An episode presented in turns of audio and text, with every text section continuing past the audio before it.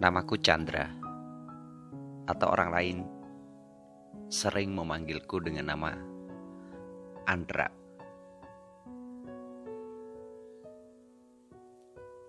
Aku akan melanjutkan kisahku dengan Mas Andi, seseorang yang ku kenali melalui sebuah bus antar kota hingga akhirnya aku berkunjung ke rumahnya. Pagi ini aku berkemas-kemas baju dan juga lainnya. Termasuk Mas Andi yang bergegas mandi dan memakai seragam dinasnya. Aku pagi ini akan balik ke kotaku. Berbarengan dengan Mas Andi yang akan berangkat kerja. Ketika aku sedang memakai sepatu, tiba-tiba Mas Andi berdiri tepat di hadapanku. Dia jongkok dan memandangi wajahku. Tangan Mas Andi diletakkan di bahaku. Lalu tangannya menghampiri mukaku. Tepat di kedua pipiku. Mas Andi berkata, Dra, gak tahu kenapa, aku nyaman banget sama kamu, Dra. Aku pun menjawabnya.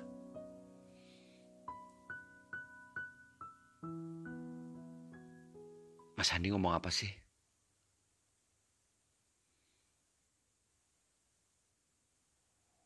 Lalu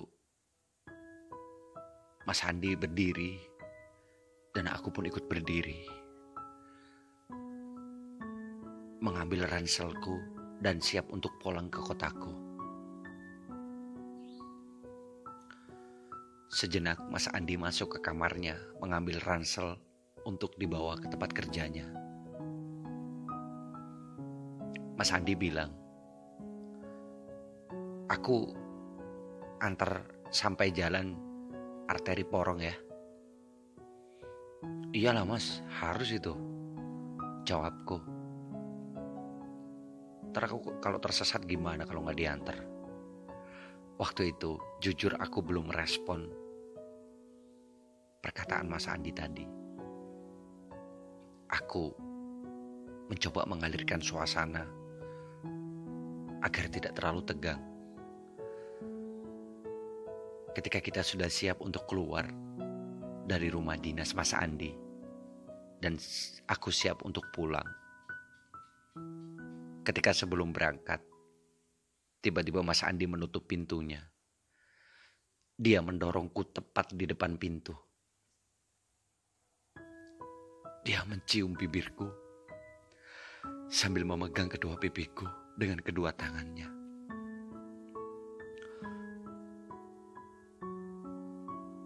Dalam kecupan terakhirnya, Mas Andi berkata,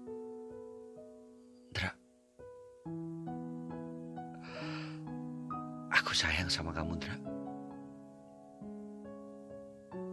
Aku bisa melihat mata Mas Andi berkaca-kaca. Sejenak aku diam. Kemudian aku pun mulai menjawab. Semuanya butuh proses, Mas.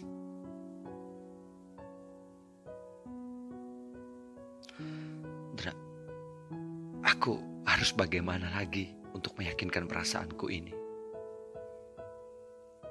Atau kamu gak suka? Kamu kecewa sama aku? Atau mungkin kamu bukan aku hanya diam saja? Kemudian, aku berkata kepada Mas Andi, Mas, Aku gak tega sama istri kamu.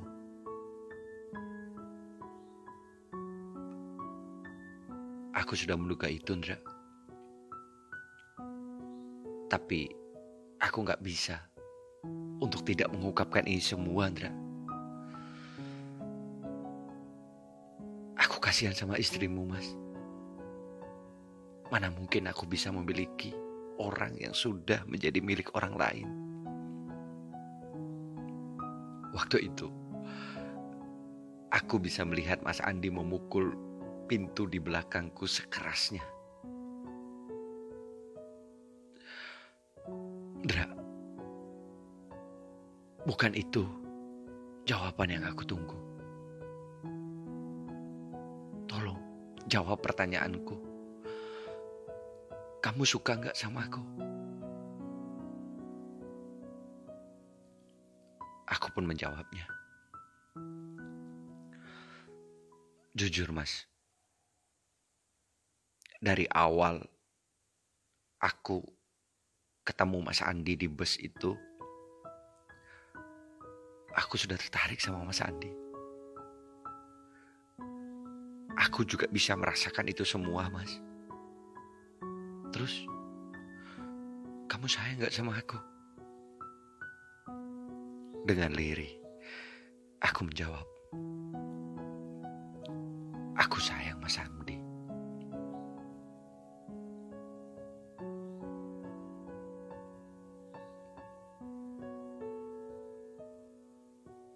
Setelah aku menjawab pertanyaan Mas Andi dengan lirih itu, jujur aku tak kuasa menahan perasaan ini.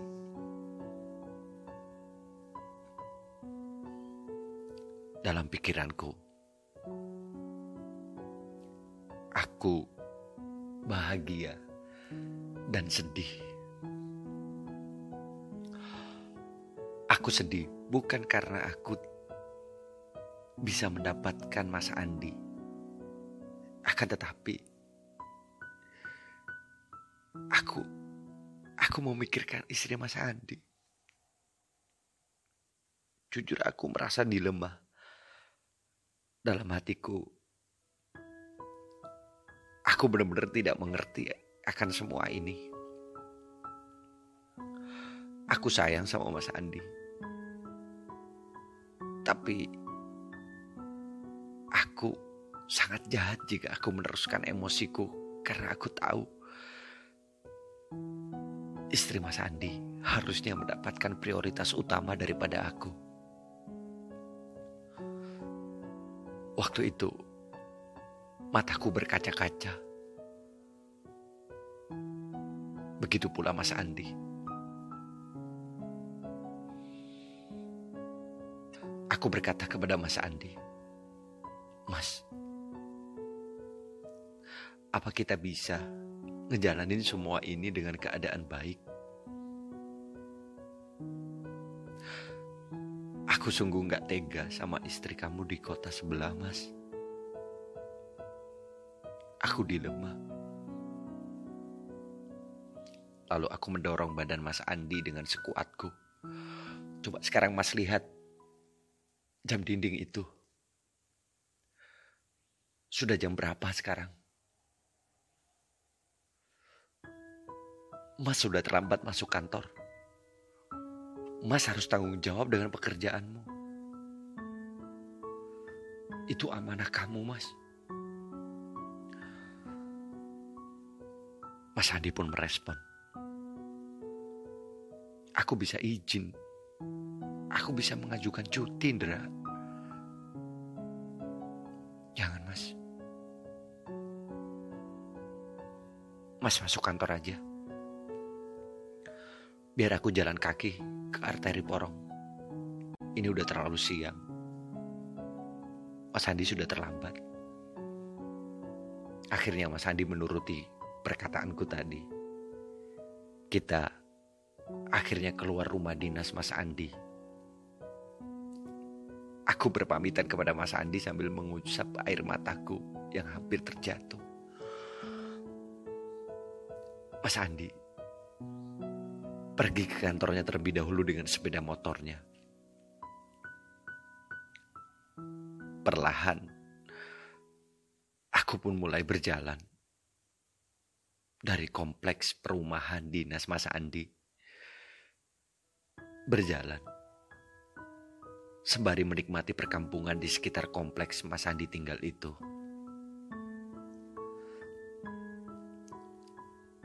Jarak dari rumah dinas Mas Andi ke jalan porong lumayan. Ketika aku mencoba membuka Google Map, jaraknya kurang lebih 2 kilometeran. Tapi karena jiwaku adalah seorang backpacker, tidak ada kata jauh dengan jarak. Aku melanjutkan berjalan kaki sambil sesekali menyapa orang yang berada di sekitar sepanjang jalan yang kulewati.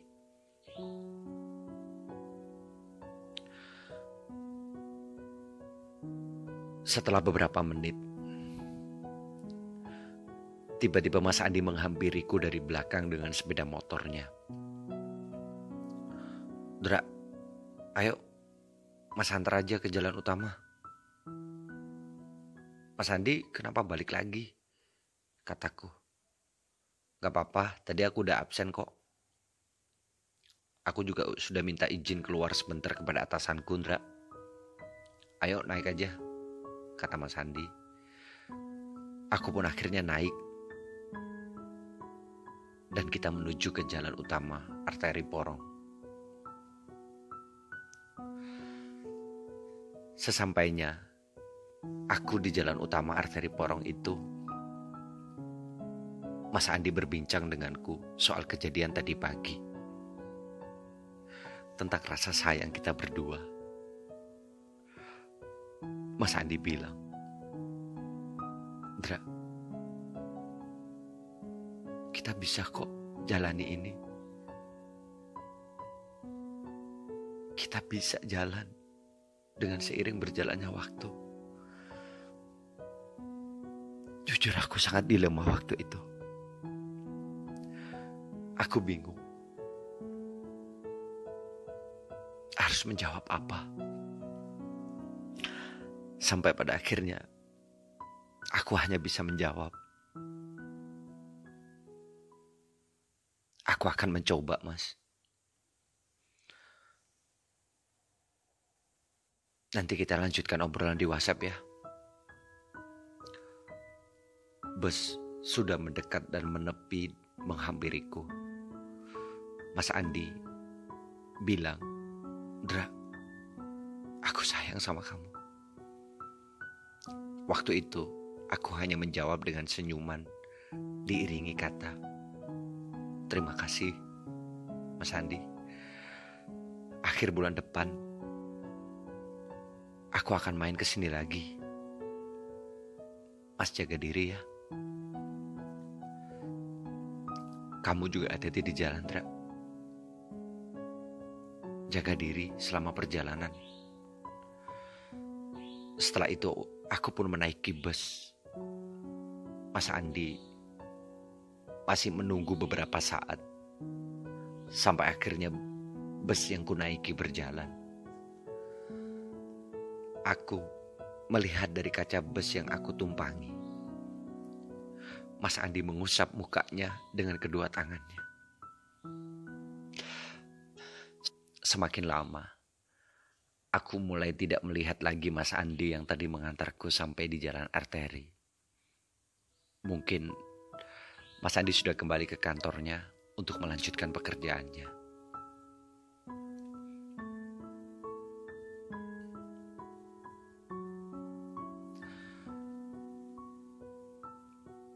Setelah itu, aku pun sampai di rumah. Sesampainya di rumah, aku mandi dan istirahat tanpa menghidupkan ponselku. Pagi harinya, aku pun mulai beraktivitas seperti biasa. Ketika aku menyalakan ponsel, di situ aku bisa melihat WhatsApp dari Mas Andi. Dari mulai hati-hati di jalan, jaga diri dan jaga kesehatan. Mungkin itu adalah WhatsApp sewaktu aku di perjalanan menuju pulang ke kotaku. Aku pun akhirnya menjawab WhatsApp itu. Maaf mas, kemarin ponselku aku matikan. Mas Andi apa kabar hari ini? Tidak lama, Mas Andi pun menjawab WA aku itu. Aku baik, sehat, Ndra. Sebentar ya, Ndra. Mas ada kegiatan. Nanti kita lanjutin lagi. Kata Mas Andi di WhatsApp. Aku pun akhirnya sibuk beraktivitas selayaknya dengan keseharianku. Mengajar, membuat jurnal, ataupun mengecek skripsi mahasiswaku. Dalam hari-hari selanjutnya, kita tidak pernah membahas masalah pribadi tentang kejadian di rumah dinas.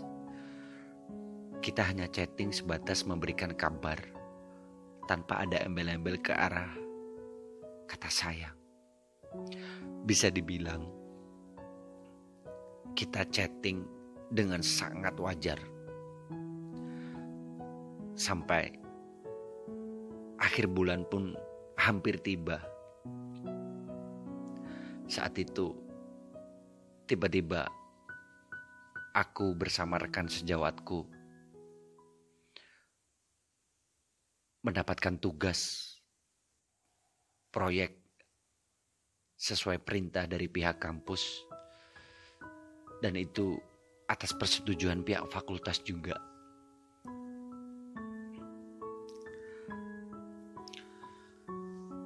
aku mendapatkan surat penunjukan dari atasan kalau aku harus ikut bergabung dalam tim pembukaan program pasca sarjana dengan jurusan baru. Dan aku pun tidak bisa menolak itu. Karena ini urusan pekerjaanku. Fix. Aku pun akhirnya mengabari Mas Andi dengan memberikan informasi kepadanya. Aku pun WA Mas Andi. Mas, aku minta maaf. Sepertinya akhir bulan ini aku belum bisa main ke sana lagi. Karena aku dapat tugas di akhir bulan ini, Mas. Dan ini juga menyangkut kredibilitasku di kantor.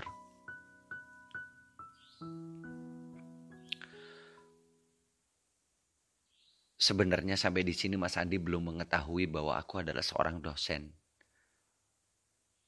Sejak pertama kali aku dekat dengan Mas Andi, Mas Andi hanya tahu kalau aku seorang tenaga pengajar. Dia tidak pernah tahu dan tidak pernah tanya aku mengajar di mana dan mengajar apa dan kepada siapa. Waktu itu, Mas Andi akhirnya membalas. Gak masalah bagi Kundra. Kalau misalnya kamu belum bisa ke sini dengan alasan itu, ya gak apa-apa. Kamu lakuin yang terbaik aja dulu. Yang penting jaga kesehatan di sana. Nanti lain waktu kan bisa ke sini lagi. Aku pasti selalu menunggu kamu, Ndra. mungkin akhir bulan ini mending aku akan pulang kampung bertemu istriku Ndra. Ya mas, terima kasih atas pengertiannya. Mas Andi juga jaga kesehatan di sana. Cat kita flat, seperti itu saja, karena kita sangat menghargai Akhirnya aku melakukan pekerjaanku dengan cukup baik selama dua minggu itu. Dan setelah semua selesai, di bulan berikutnya aku merasa, waktu itu aku cukup merasa gembira.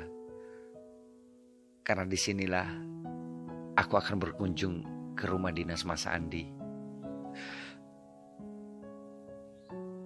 Tapi ternyata aku dan tim harus pergi dinas ke Jakarta untuk memberikan presentasi tugas kantor kami.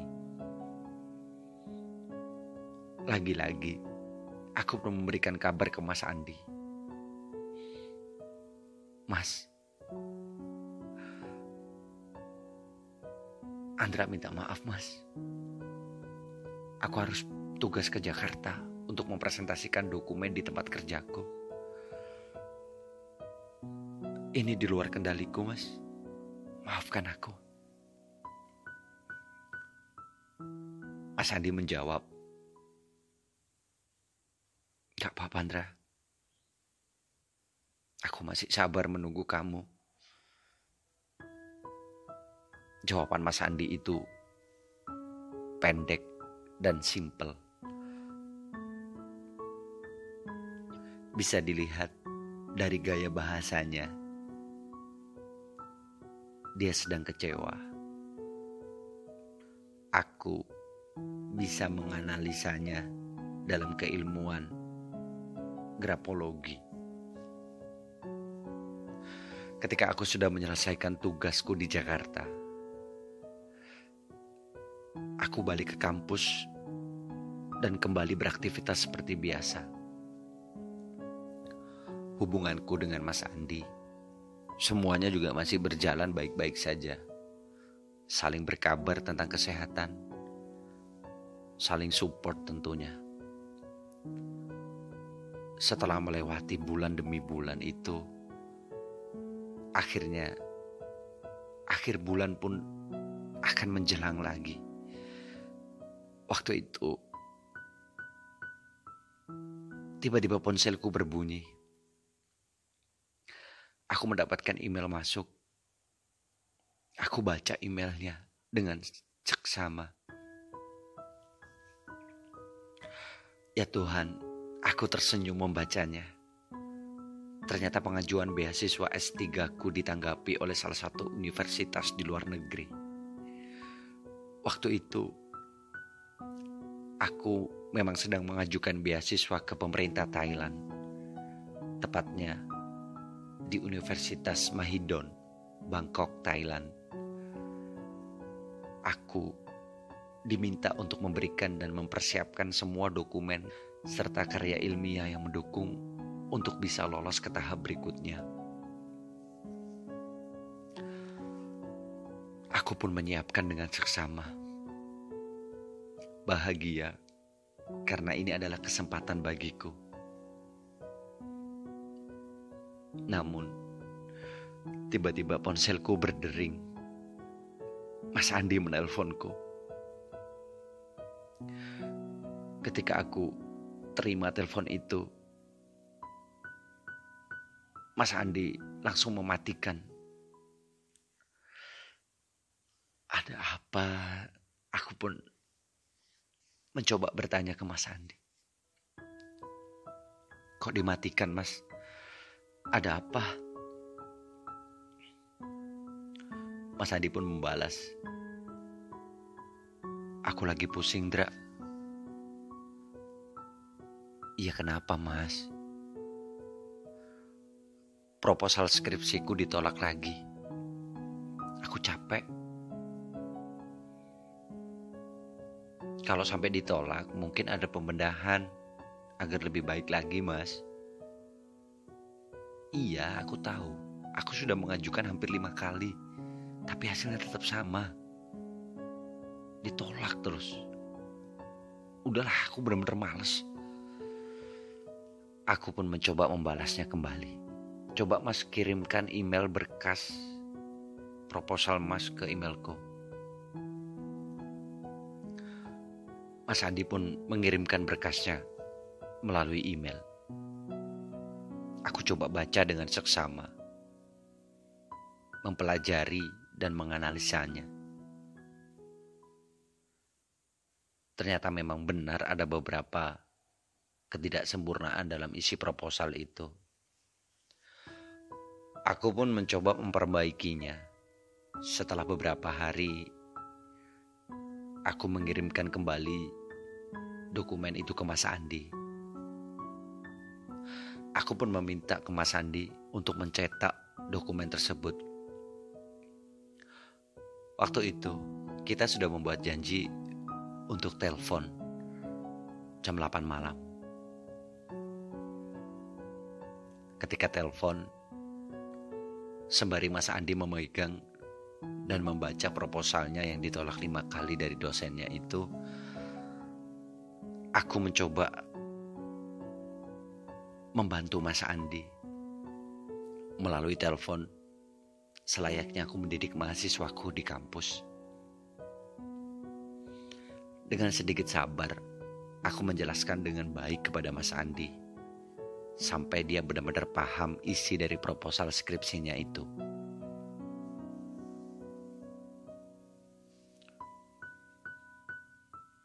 Dia kaget ketika membuka lembaran yang berada di tengah proposal skripsinya. Aku masih ingat betul dia sempat bertanya, Dra, kok ada angka-angka dan rumus-rumus ini apaan sih? Aku malah bingung, Dra. Aku pun menjawab, Mas Andi. Nanti aku jelaskan semuanya hingga Mas Andi ngerti deh pokoknya apa makna rumus dan angka-angka itu.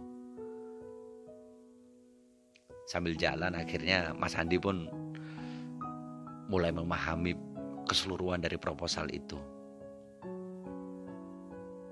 Besok paginya, akhirnya Mas Andi mengajukan proposal skripsinya ke dosen. Sampai beberapa hari ke depan Mas Andi memberikan kabar bahwa aku lulus ujian pengajuan proposal skripsi Indra. Ini aku terus bagaimana lagi? Wah hebat nih. Jadi sekarang Mas Andi tinggal ngelanjutin ngembangin paragraf yang sudah aku sampaikan kemarin. Dia pun menurutinya. Dia sangat bersemangat dengan mengerjakan skripsinya itu hingga beberapa minggu Mas Andi memberikan kabar. Dra, aku lulus sidang skripsi. Terima kasih atas bantuanmu selama ini, Indra. Waktu itu, Mas Andi pun belum sadar kalau aku adalah seorang dosen. Sembari aku sibuk dengan urusan mempersiapkan dokumen beasiswa S3 ku, Mas Andi pun sibuk dengan urusan revisi skripsinya meskipun dia sudah dinyatakan lulus. Akhirnya kami memang benar-benar sama-sama sibuk hingga kami lupa dengan agenda untuk bisa bertemu di rumah dinas Mas Andi. Setelah hal itu semua terlewati, Mas Andi tiba-tiba memberikan kabar. Dra, Aku mengajukan wisuda lebih awal, ikut gelombang pertama. Wah, bagus mas. Keren dong, bakalan ada gelarnya nih namanya. Aku mencoba bercanda kepada Mas Andi. Ah, kamu bisa aja, Andra. By the way, terima kasih, Andra. Kamu yang selama ini udah memberikan pencerahan. Ternyata kamu pinter juga Andra. Di saat aku sedang tertekan dengan urusan ini, kamu udah bantu support dan dengan sabarnya ngasih petunjuk kepadaku. Mas makin sayang sama kamu, Ndra. Aku pun membalasnya. Mas Andi, maaf ya, kalau akhir-akhir ini memang Aku sedang sibuk-sibuknya dengan urusan kantor, Mas. Mungkin beberapa hari ke depan chat kita akan sedikit tersendat. Gak apa-apa ya, Mas. Mas Andi pun menjawab, lakukan yang terbaik aja, Andra. Untuk urusan kerjaan, Mas akan selalu mendukung kamu. Mas akan berusaha mengerti akan sebuah keadaan. Mas Andi benar-benar mengerti dengan keadaan kita saling memberikan support untuk waktu sampai agenda kita terlupakan. kalau kita harusnya sudah ketemu. Hari itu, Mas Andi WhatsApp. Dra, aku akan wisuda tanggal 26 nanti. Aku ikut gelombang pertama biar cepet. Aku pun mengucapkan selamat dan menjawabnya Selamat bos, Alhamdulillah ya doa Mas Andi dan kerja keras Mas Andi sudah dikabulkan. Tapi Indra, kamu datang ya kalau ada waktu, kata Mas Andi. Insya Allah Mas, nanti aku usahain. Hari yang ditunggu Mas Andi sebentar lagi akan tiba. Tanggal 26 Sebelum tanggal itu, aku sudah mengagendakan untuk datang ke acara wisudanya, sembari memberikan ucapan selamat. Satu hari sebelum wisuda, aku sudah berangkat ke kota Surabaya, tempat di mana Mas Andi menimba ilmu di salah satu universitas. Aku tahu di mana Mas Andi kuliah, meskipun dia tidak pernah memberikan informasi di mana dia sedang kuliah. Aku tahu dari semua dokumen yang sempat dia kirimkan melalui email waktu dia membicarakan masalah pengajuan proposal skripsinya dulu. Pagi itu, aku mempersiapkan diri untuk datang ke acara wisuda Mas Andi. Sebenarnya aku cukup tahu protokol acara wisuda jadi sekitar jam 10 pagi aku baru menuju ke kampus Mas Andi. Tanpa dia tahu sebelumnya, karena aku juga tidak memberikan kabar kepada Mas Andi. Waktu itu, aku datang dengan diam-diam. Sesampainya di tempat wisuda itu, aku hanya mengamati dari kejauhan segerombolan mahasiswa yang sudah selesai di wisuda merayakan kegembiraannya dengan berfoto bersama dan lainnya. Aku melihat tampaknya Mas Andi didampingi istrinya beserta keluarga besarnya. Aku hanya mampu melihat dari kejauhan. Aku tetap mengamati saja melihat senyum dan tawa dari Mas Andi. Jujur, aku bahagia melihatnya. Sudah beberapa bulan aku tidak ketemu dengan Mas Andi. Dan di hari bahagianya ini, aku bisa melihatnya secara langsung.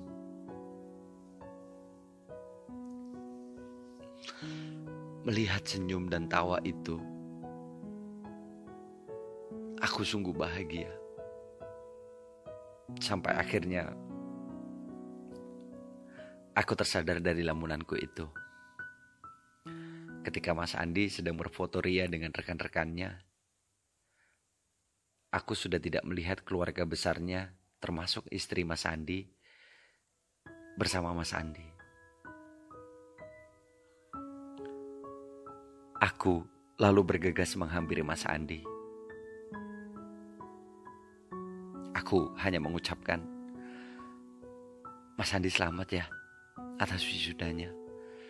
Semoga ilmunya bermanfaat. Di hadapan Mas Andi dan juga teman-teman Mas Andi sesama wisudawan.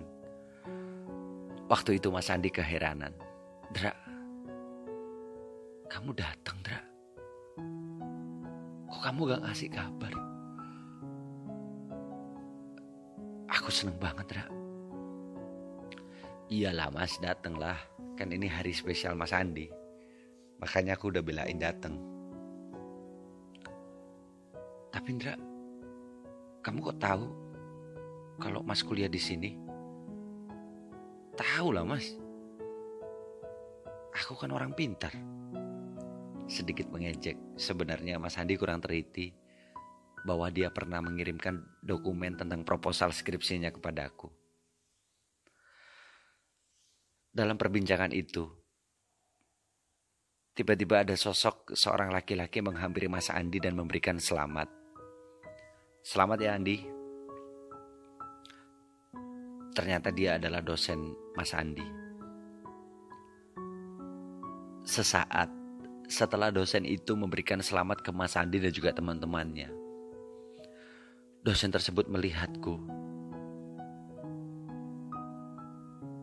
Dan dengan spontan, dosen itu menyapaku. Pak Chandra, aku agak sedikit kaget waktu itu. Di hadapan Mas Andi, aku pun menjawab, Pak Herman. Masya Allah Pak, akhirnya ketemu lagi di sini Pak. Pak Chandra, ada agenda apa di sini? Kata Pak Herman bertanya kepadaku. Aku pun menjawab, ini Pak, sahabat saya sedang di wisuda hari ini. Jadi saya datang ngucapin selamat. Ya di hari spesialnya dia lah. Tapi Aku tidak memberitahu siapa sahabat yang aku maksud itu. Karena waktu itu Mas Andi sedang bersama teman-temannya. Pak Herman mulai bercakap-cakap dengan saya di hadapan Mas Andi dan teman-temannya. Pak Chandra bagaimana dengan proposal untuk pembukaan fakultas S2 di sana? Udah goal belum? Pasti ACC kan ya? Wah, bakal ada program studi S2 baru di sana berarti ya. Di situ Mas Andi mulai bingung dengan pembicaraan kita. Dia hanya melihat dan terdiam. Sesekali aku melihat muka Mas Andi yang agak cemberut. Pak Herman berkata kepadaku, Gimana Pak Chandra? Perbandingan mahasiswanya Bapak di sana? Ya sama aja sih pak, jawabku. Disertai dengan tawa dan bercanda. Mas Andi, yang hanya diam mengamati perbincangan kita, sesekali aku hanya melirik ke arah mukanya. Dia mulai bingung. Mungkin saat itu, dia mulai tahu kalau aku adalah seorang dosen. Aku pun mulai melihat keluarga besar Mas Andi mulai mendekat ke Mas Andi. Aku melanjutkan obrolan saja dengan Pak Herman sembari mengalihkan ke arah kantin untuk ngobrol sambil kita bersantai di kantin itu. Sebagian caraku meninggalkan Mas Andi yang akan kedatangan keluarganya. Lalu aku dan Pak Herman berpamitan kepada Mas Andi kita sama-sama mengucapkan selamat sambil kita berjalan menuju ke kantin. Akhirnya, Mas Andi melanjutkan kegiatannya dengan keluarganya. Tidak lama, ketika aku sedang bersama dengan Pak Herman, Mas Andi mengirimkan sebuah WA kepada aku. Dra, Mas pulang dulu ya. Nanti kabar-kabar aja.